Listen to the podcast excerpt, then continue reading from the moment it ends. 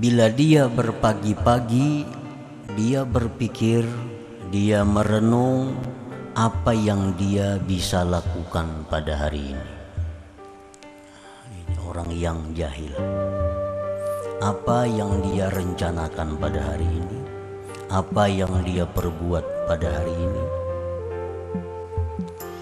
Fayudabbiru syu'unah wa hawaijah maka dia merancanglah perkara-perkaranya dan hajat-hajatnya.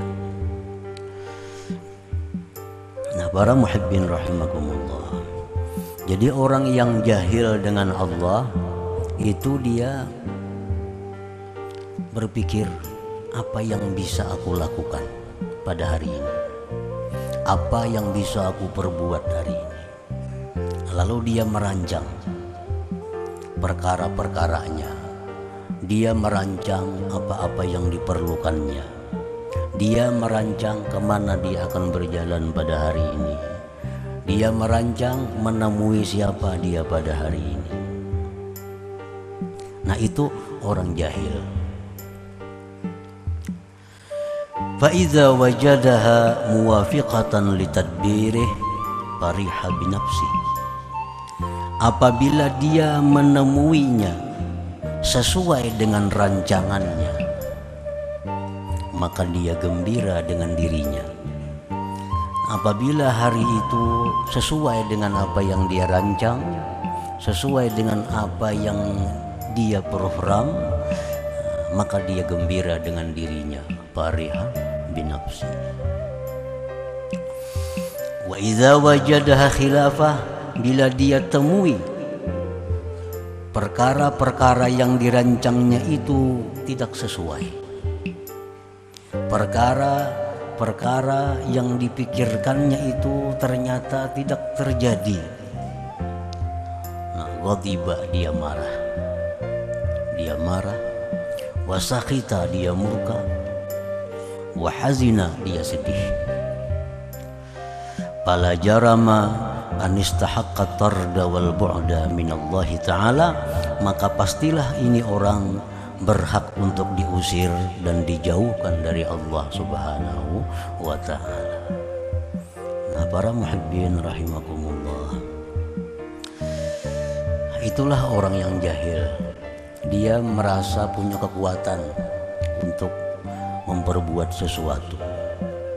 Dia merasa punya kepandaian untuk merancang sesuatu. Dia merasa punya kemampuan. Lalu apabila tidak sesuai dengan apa yang dia harapkan, dia kecewa. Dia sedih dan dia bisa menyalahkan siapa-siapa.